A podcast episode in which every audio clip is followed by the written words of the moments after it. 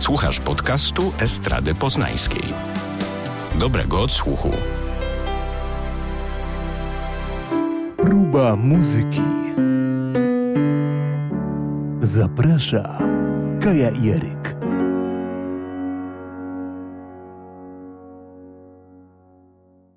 Czterdziesta próba muzyki i znowu zaglądamy, zarzucamy naszymi uszami w kierunku Wyspy Brytyjskich, bo właśnie stamtąd e, pochodzi tam urodził się nasz bohater dzisiejszy, multiinstrumentalista, człowiek olbrzymiego talentu. No skoro już zacząłeś ten temat, skąd on pochodzi, to ja ci powiem, że ja przez bardzo dużą część mojego życia, od momentu, kiedy go poznałam, myślałam, że to jest amerykański y, muzyk. Że, że on y, urodził się w Stanach Zjednoczonych i tam też wychowywał i tam nagrywał. Y, okazało się to bardzo błędnym założeniem, aczkolwiek nie tak do końca, bo Steve Winwood sam przyznaje się y, do dzisiaj, że on tak naprawdę mm, wyrósł słuchając muzyki bardzo różnej, ale najbardziej ukochał sobie muzykę rhythm bluesową i tą, którą przede wszystkim prezentował w swojej twórczości Ray Charles który właściwie próbował, tak jak pamiętasz, jak oglądaliśmy film o Rayu Charlesie, y, miał on zarzucane to, że, że miksował te wszystkie style muzyczne i jazz, i blues, i, i soul, i y, rock and, rock and roll, i właściwie nie, nie mogli go wtedy zaszufladkować. Mm, A I poza tak... tym z Raya Charlesa było całkiem niezłe ziółko.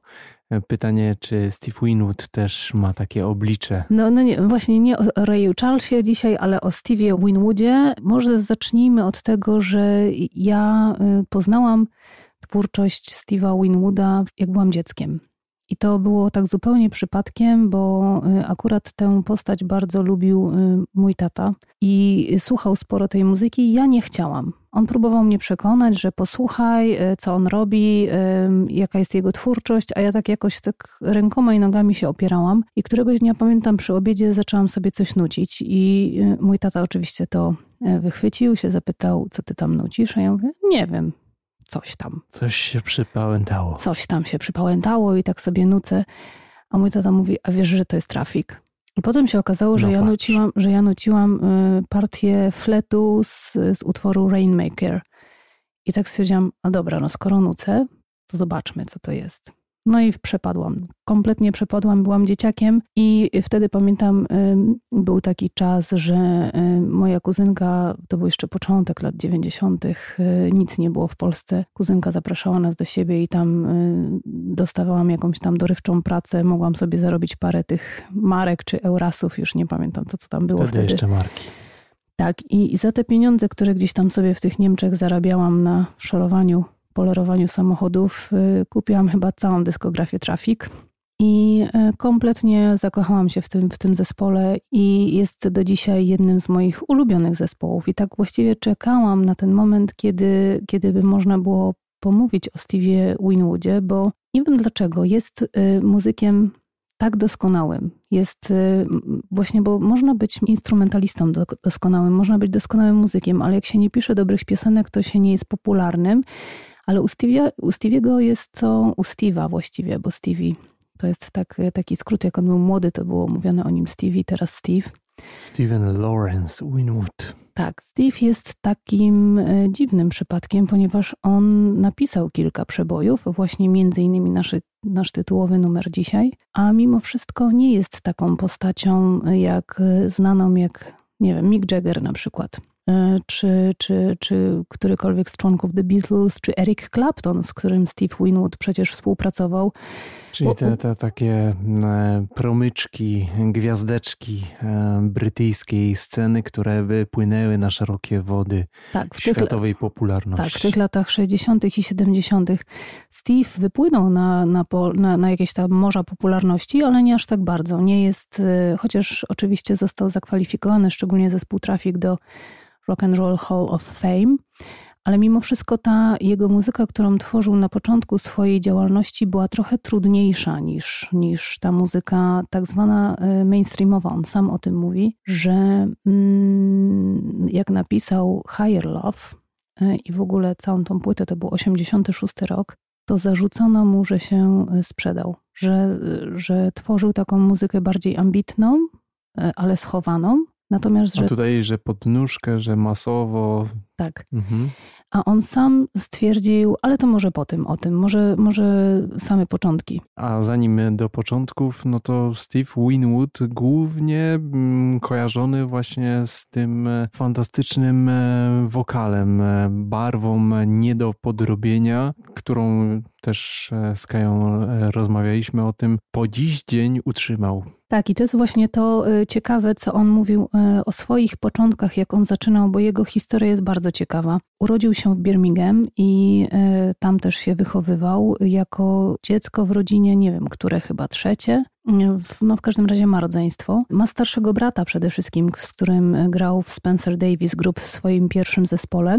Ale jego historia jest o tyle ciekawa, że jego ojciec był takim pół, e, półprofesjonalnym, półamatorskim muzykiem i y, grał na saksofonie, grał na klarnecie, trochę chyba na basie i trochę na perkusji. I no, czyli, czyli to może właśnie z tego wynika to, że Steve jest takim człowiekiem renesansu, rzekłoby się, ponieważ e, tak jak zaczęliśmy nasze dzisiejsze spotkanie od tego, że to multiinstrumentalista, bo bo nie wiem, czy wiecie, ale gra również doskonale na fortepianie, wszelkich instrumentach klawiszowych, e, instrumentach perkusyjnych, instrumentach strunowych typu mandolina, gitara, bas, a nawet na saksofonie. Jim Capaldi zresztą, y, perkusista mm, zespołu Traffic, y, powiedział, że Steve dla niego jest jednym z najlepszych gitarzystów, y, jakich w ogóle kiedykolwiek słyszał. Natomiast Steve Winwood raczej kojarzony jest z tymi organami Hammonda, bo na nich najczęściej grał w swoich pierwszych latach i zresztą do dzisiaj używa tego instrumentu, również oczywiście fortepianu czy jakichś, jakichkolwiek innych klawiszy. I mało kto go kojarzy z, z gitarą, bo na żywo zazwyczaj występu, występując gra na, na, na klawiszach. Być może dlatego, że łatwiej jest znaleźć e, dobrze grającego gitarzystę do zespołu niż e, pianistę. Być może dlatego, bo sam Steve e, mówi, że on tak naprawdę jego pierwszym instrumentem i takim podstawowym instrumentem, na którym najwięcej się uczył grać i najlepiej gra, to jest gitara a nie klawisze, bo tak rzeczywiście było. On potem, y, wyobraź sobie, że on nie, sko nie skończył szkoły średniej nawet. Proszę. Bo to się zdarzyło tak, że jego brat miał swój zespół jazzowy jego starszy brat. Ale zanim dalej pójdziesz, no to, to jakby kolejny przykład tego, że tu edukacja taka stricte szkolna w systemie wcale nie oznacza e, sukcesu i talentu i rozwoju edukacji, bo można zakończyć e, tą taką, że tak powiem, obowiązkową edukację wcześniej, później samemu zgłębiając, ucząc się. Oczywiście jest to dużo trudniejsze, ale dużo bardziej e, selektywne i wnikliwsze. Znaczy właśnie, no bo to jaka, jaka była jego historia? Taka, że jego brat miał ten zespół y, jazzowy y, i wtedy, kiedy Steve miał 12 lat, jego brat 17, jego koledzy 17-18, bardzo chciał z nimi grać. Bardzo się wyrywał do tego, że weźcie mnie, żebym mógł z wami pograć. Oni oczywiście nie chcieli, bo mieli swoje jakieś tam mm, sprawy. W tym czasie wiadomo, jak to nastolatkowie y, i po co im taki dzieciak w zespole.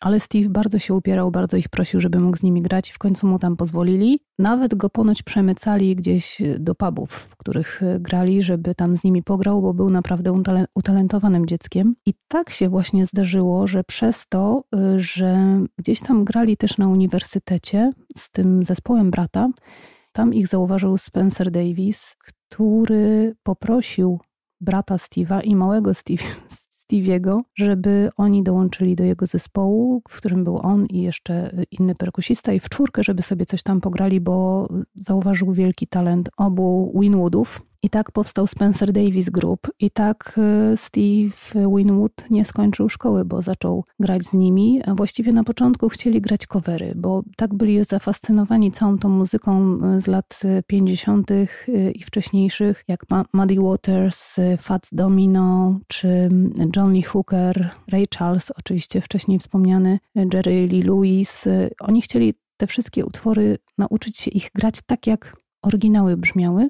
Tak jak ci tuzowie. Tak jak ci tuzowie. Steve e, podkreśla, że on bardzo, zawsze bardzo chciał śpiewać tak jak John Lee Hooker albo jak Ray Charles. Co Czyli mówiąc krótko, chciał mieć ciemny wokal. Tak, ale oczywiście on mówi, że po latach uświadomił sobie, że to jest po prostu niemożliwe, bo tak jak on chciał śpiewać jak Ray Charles, tak inni, na przykład Mick Jagger ponoć chciał śpiewać jak James Brown i Paul McCartney jak Little Richard y, i żaden z nich tak naprawdę nigdy nie brzmiał, chociażby w jakimś małym stopniu podobnie do oryginału. Ale każdy znalazł swoją drogę tak. w tej oryginalności i rozpoznawalności swojego wokalu i w e, tym rozwoju. Tak, i wtedy po raz pierwszy w wieku chyba 14 czy 15 lat zrozumiał, że on nie może odtwarzać tylko muzyki i musi zacząć tworzyć swoje i razem z tym z tym zespołem Spencer Davis Group tak naprawdę stworzyli trzy numery takie, które dały im furtkę do amerykańskich list przebojów, bo z tych utworów są znani, czyli Give Me Some Loving, e, I'm a Man i Keep on Running.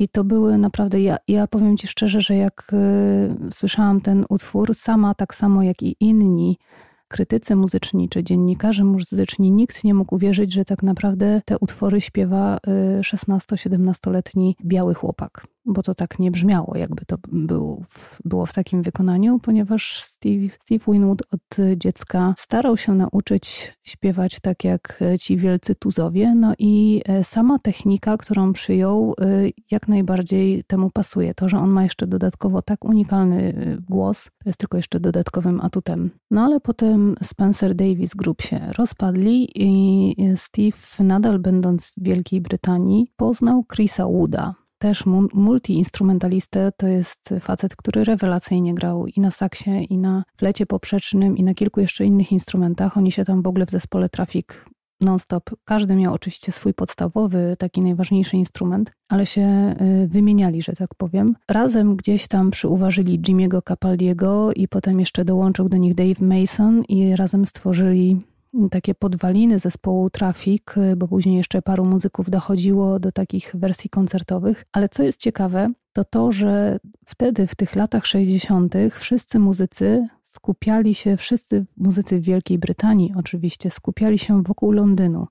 Chcieli się jak najbardziej y, dostać do tych wszystkich studiów nagrań, do, do tych wszystkich wytwórni i gdzieś tam wiecznie się kręcili właśnie wokół tego tak zwanego. Abbey Road tak, wokół tego właśnie mainstreamu, a oni zrobili odwrotnie. Oni wynajęli jakąś chatę na totalnym pustkowiu w jakiejś zabitej dechami wsi, e, bardzo dużą chatę. Cały zespół się tam sprowadził do tej chaty. Żyli w takiej komunie, śpiąc na materacach, ale Steve... I co, cisnęli na setę.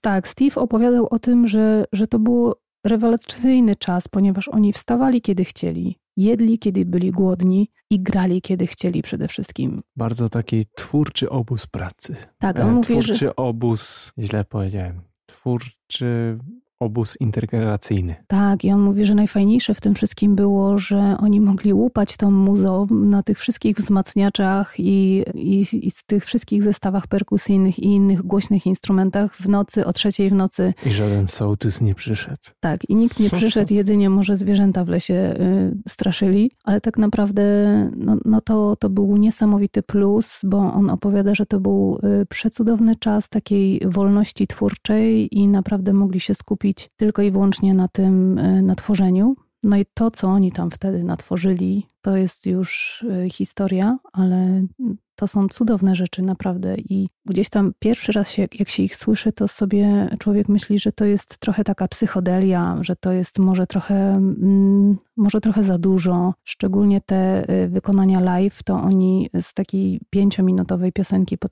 potrafili zrobić 15-minutową, y, bo, bo było tam bardzo dużo też improwizacji i progresji. Tak. Mhm. Zespół Trafik w ogóle jest zaliczany do do takich bardziej zespołów rockowych, y, fusion, właśnie progresywnych, y, tak ich opisują. Ale sam Steve y, Winwood mówi o tym zespole, że, że oni tak naprawdę jak się spotkali, jak się poznali, to założyli sobie, że na pewno wiedzą, czego nie chcą grać. Nie chcieli być taką typową bluesową grupą, chcieli grać coś w okolicach soulu, muzyki etnicznej, folku, jazzu, R&B i rocka. I właściwie chyba to im. Wyszło? I rytm bluesa trochę też. I to im wyszło właściwie to wszystko y, można wrzucić do tego zespołu. I przede wszystkim ich hasłem wtedy na ten czas było, że nie chcemy akceptować, czego chce od nas publika, ale chcemy, aby publika akceptowała to, co my im dajemy. Czyli wolność twórcza i kształtowanie gustu i edukowanie przez muzykę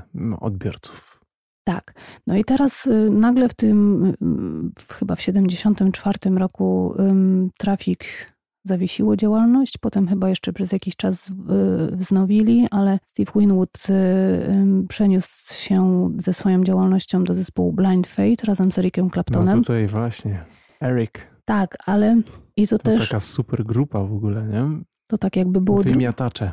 Oni, ta grupa była nazywana trochę jak takie drugie Cream. All Stars. Tak, tam było All Stars, Ginger Baker, e, Eric Clapton, e, Steve Winwood. E, no, nie ma się co dziwić, że, że to drugie Sama Cream. Śmietanka.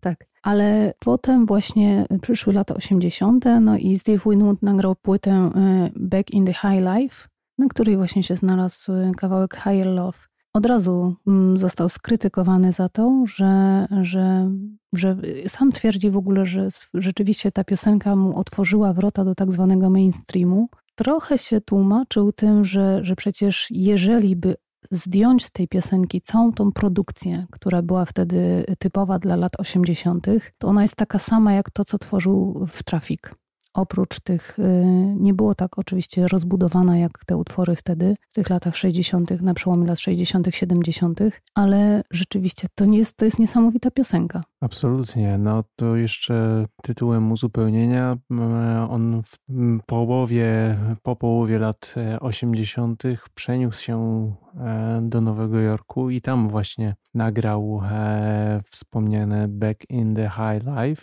na której znalazł się Higher Love, za które notabene e, zgarnął Grammy, tak. Dwie nagrody Grammy. Tak, on mówił, że no tak, tak, oczywiście wtedy dostałem Grammy i w jako ogóle te wszystkie rzeczy. płyta roku i najlepszy wykon męski popowy. No i teraz y, on dalej już nie pociągnął tak bardzo w tym kierunku mainstreamowym. Chyba trochę ta krytyka go przytłoczyła, ale to jest tylko i wyłącznie moje zdanie. I potem już tworzył trochę mniej że tak powiem, przebojowe piosenki, y, no bo mu zarzucono wtedy, że, że nagle z takiego ambitnego zespołu jak Traffic, jak Blind Fate i Spencer Davis Group skoczył do tego mainstreamu, że MTV go grało i w ogóle całej tej dystrybucji muzycznej. Ale też fajne zdanie powiedział człowiek, który przeprowadzał z nim ten wywiad, którego słuchałam. No ale przecież wtedy w MTV grali też takie rzeczy jak Peter Gabriel na przykład, że nie ma się czego wstydzić, nie? To nie Jak jest. najbardziej ambitne i wartościowe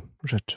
Tak, więc, ale widać, że Steve, Steve, jest po prostu takim bardzo skromnym człowiekiem i, i przy okazji bardzo sympatycznym, i wydaje mi się, że chyba go trochę ta krytyka jednak zżarła. Ale nie na tyle, żeby zaprzestać e, robić, bo Steve działa do dzisiaj i tak też był zapytany, czy, czy lubi występować na żywo czy lubi wyjeżdżać w trasy koncertowe, to stwierdził, że, że oczywiście, że tak, że każde miejsce, w którym występuje, y, daje inne wibracje, inna akustyka jest, y, inny jest ten feedback od publiczności, więc zawsze to jest jakieś fajne doświadczenie, aczkolwiek no on już jest w takim wieku, że nie ma ochoty wyjeżdżać na takie turne na pięć miesięcy na przykład, że takie 3-4 tygodnie mu wystarczają. No, ale do, do historii na pewno przejdzie, przejdą e, przynajmniej dwie trasy takie naprawdę grubaśne. W 2013 po północnej, całej północnej Ameryce e, z Rodem Stewardem. Mm, w, wtedy Live the Live Tour to właśnie e, bardzo, bardzo intensywne koncertowanie e, po całej Ameryce oraz w 2014 nie z kim innym jak z Tomem Pettym i jego The Heartbreakers również e, po Ameryce Północnej. Tak czy siak, Steve Winwood jest niesamowitym, niesamowicie utalentowanym człowiekiem, niesamowitym muzykiem i wokalistą, ale no, wydał ile? Solowych płyt wydał, e, już liczę, raz, dwa, trzy, cztery, pięć, sześć, siedem, osiem, dziewięć, dziesięć, jedenaście. Jedenaście plus dwie e, live'owe. y, plus oczywiście to, co wydał ze Spencer Davis Group i z grupą Traffic, to też z grupą Traffic chyba trzy płyty, dwie w latach 70., jeszcze później była reaktywacja i chyba były jeszcze dwie kolejne, dokładnie nie pamiętam. W każdym razie jest to człowiek, który jest bardzo twórczy też w momencie, kiedy mm, spotyka też twórcze osoby na swojej y, drodze, aczkolwiek y, no, te jego solowe płyty też są niektóre perełkami y, i coś na pewno tam wam wybierzemy do fajnego do playlisty. Ale na pewno warto wspomnieć również o jego um, udziale chociażby w filmie Blues Brothers z 2000 jako e, członka zespołu Louisiana Gutter Boys, e, nie, nie wspominając już o e, wspólnych e, występach e, z wspomnianym Ericiem Claptonem w różnych konfiguracjach, również tych solowych projektach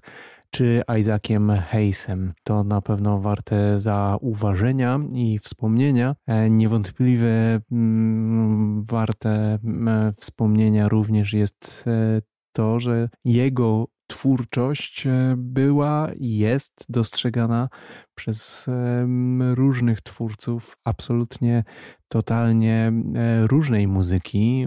Niechaj tym najlepszym przykładem na to będzie Eric Prytz, który samplował jego piosenkę Valerie, e, którą Winwood wydał w 1982 która stała się podwalinami pod wielki hit E, spod ręki e, DJ-a, producenta, e, człowieka również wielu talentów, jeżeli chodzi o muzykę elektroniczną. Utwór Call On Me, który myślę każdy kojarzy. Tak, tylko tam było chyba zmienione. Tam jest Valerie w tekście Steve'a i Call Me. No, a tutaj chyba było zmienione na Call Me czy Call on Call Me. On me. Mhm. Tak, dokładnie, to jest ten numer i to jest ten sample i nikt nie wie, że to jest Steve Winwood, a piosenka jest y, niesamowicie znana, chociaż no Valerie też w swoim czasie chyba było hiciorem w wykonaniu Steve'a, a nie, nie wspomnieliśmy jeszcze, bo właściwie y, cały czas mówimy o Steve'ie Winwoodzie, o którym mogłabym mówić i mówić i rozmawiać, bo to naprawdę jeden z moich ulubionych y, muzyków. Sama piosenka Higher Love y, to Właśnie, jest, kto tam się jeszcze pojawia? To jest numer, do którego zaprosił, do wykonu którego zaprosił Steve Chaka Khan. I też myślę, że ten, te, te jej zaśpiewy w tej górze i te jej takie mm, miauczenie i tej przecudowne wokalizy też dużo tej piosence dały. Chociaż no sam numer oczywiście też y, się broni i bez Chucky Khan, bo Steve wielokrotnie wykonywał ten utwór live y, i wiadomo, jego głos to jest też coś niesamowitego. Natomiast y, połączenie właśnie Steve'a Winwooda z Chucką Khan to jest po prostu Mistrzostwo Świata. Creme de la creme. I e, e, ja to też e, przekazywałam, że w, w podcaście mówimy o tym, że będziemy mówić również o Whitney Houston na przykład. Ja ci powiem, że dla mnie to jest artystka, która jest no, ogromny talent, ogromny, wielki, przepiękny głos, ale ona jest też królową coverów. Bo tak naprawdę, tak naprawdę Whitney Houston y, praktycznie y, zapytajmy, jakiego ona numeru y, Jackie Khan nie wykonywała tego z tych takich hiciorów. I okazuje się, że ten numer High Love Whitney Houston również zaśpiewała. Ja mówię, że ona jest królową coverów, bo przecież jej jeden z największych przebojów, który, który nagrała, czyli I Will Always Love You, to też nie jest numer Whitney Houston, tylko Dolly Parton.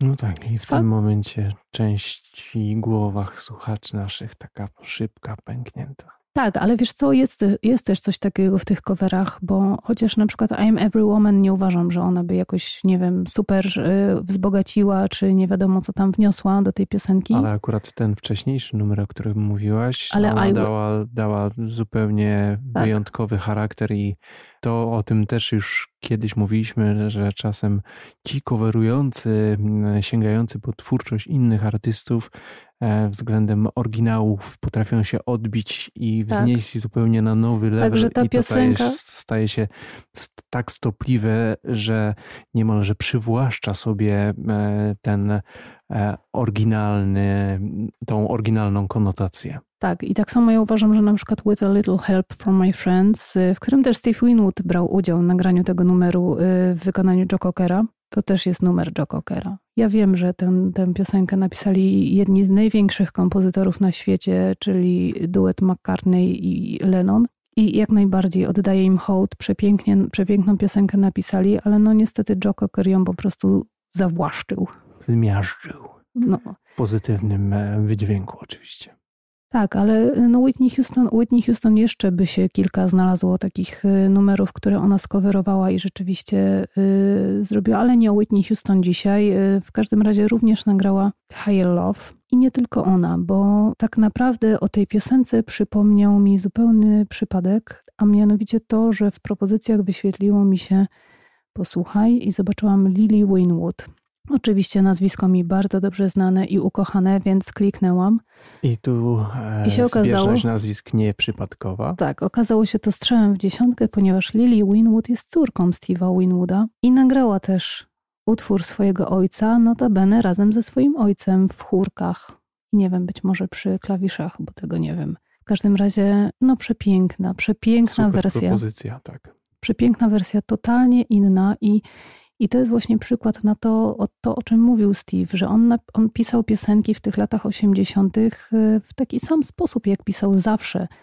To, że produkcja się zmieniła i że, y, że nie wiem, być może ktoś mu podpowiedział, słuchaj, zrób tak i, i wejdziesz do tego mainstreamu, zrobisz to, no to on po prostu to zrobił. Dlaczego nie? A piosenki są nadal pisane w takim samym stylu i y, być może Trafik, tak jak on sam mówi, było trochę bardziej surowe, było trochę bardziej takie, y, więcej było tam tego rhythm bluesa i improwizacji jazzowej. Natomiast te jego przyszłe piosenki, które później już wydawał sam, one były pisane dokładnie tak samo, tylko były po prostu pozbawione tej surowości, były poddane dużej obróbce produkcyjnej i, i, i nie miały tych po prostu w takich tak rozbudowanych kwestii improwizacyjnych i, i jazzowych. No i nagle się stało to, co się stało, jest piosenka popowa, tak? I tutaj y, przychodzi właśnie po wielu latach y, propozycja córki Steve'a Winwooda, która y, zrobiła zupełnie inną aranżację tej piosenki razem ze swoim tatą zresztą. I... A tata ma się bardzo dobrej kondycji i fizycznej, i wokalnej, e, sprawnościowo super e, cały czas e, daje radę. No i to, co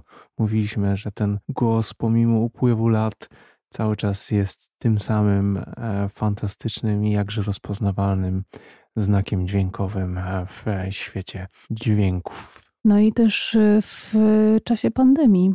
Nie, nie to, że spoczął na laurach i teraz już nic sobie nie, nie robię, tylko nadal gdzieś tam też się udzielał i streamował jakieś swoje utwory, śpiewał, wrzucał do sieci i też no jak sam mówi, nie może się doczekać, kiedy będzie mógł znowu koncertować mimo swoich 73 lat.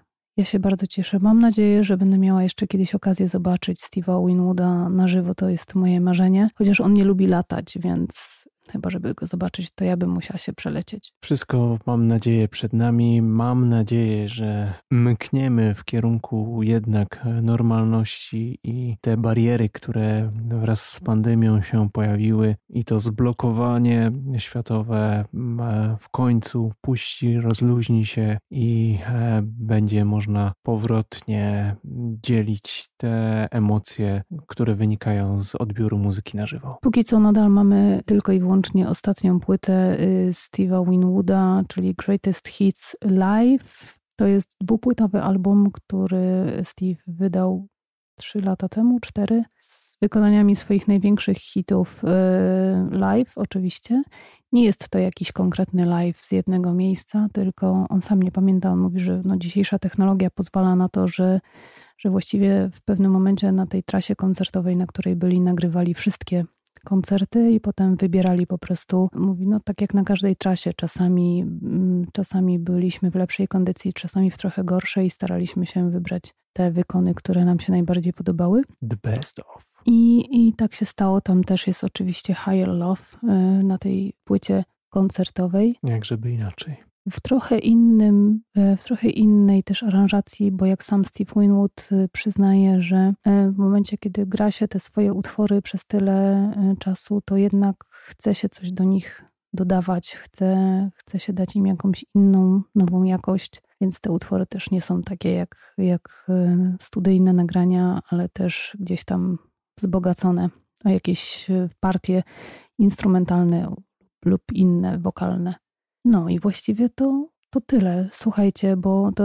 Zostaje nas, nam e, przekierować Wasze oczy, a przede wszystkim uszy w kierunku playlisty, którą tutaj e, dla Was e, przygotowaliśmy. Ja bardzo, bardzo zachęcam, bo tak naprawdę tytuł podcastu jest High Love, bo chcemy po prostu przy, przyciągnąć Was jako słuchaczy, bo obawiałam się, że jak zatytułujemy tylko po prostu Steve Winwood, to być może nie poznacie tego człowieka, a być może przez tą piosenkę sięgniecie po jego twórczości. A dla tych, którzy znają Steve'a Winwooda, no to po prostu mam nadzieję, że przyjemnie się słuchało historii o jego życiu muzycznym. Przyjemności i do usłyszenia. Do usłyszenia.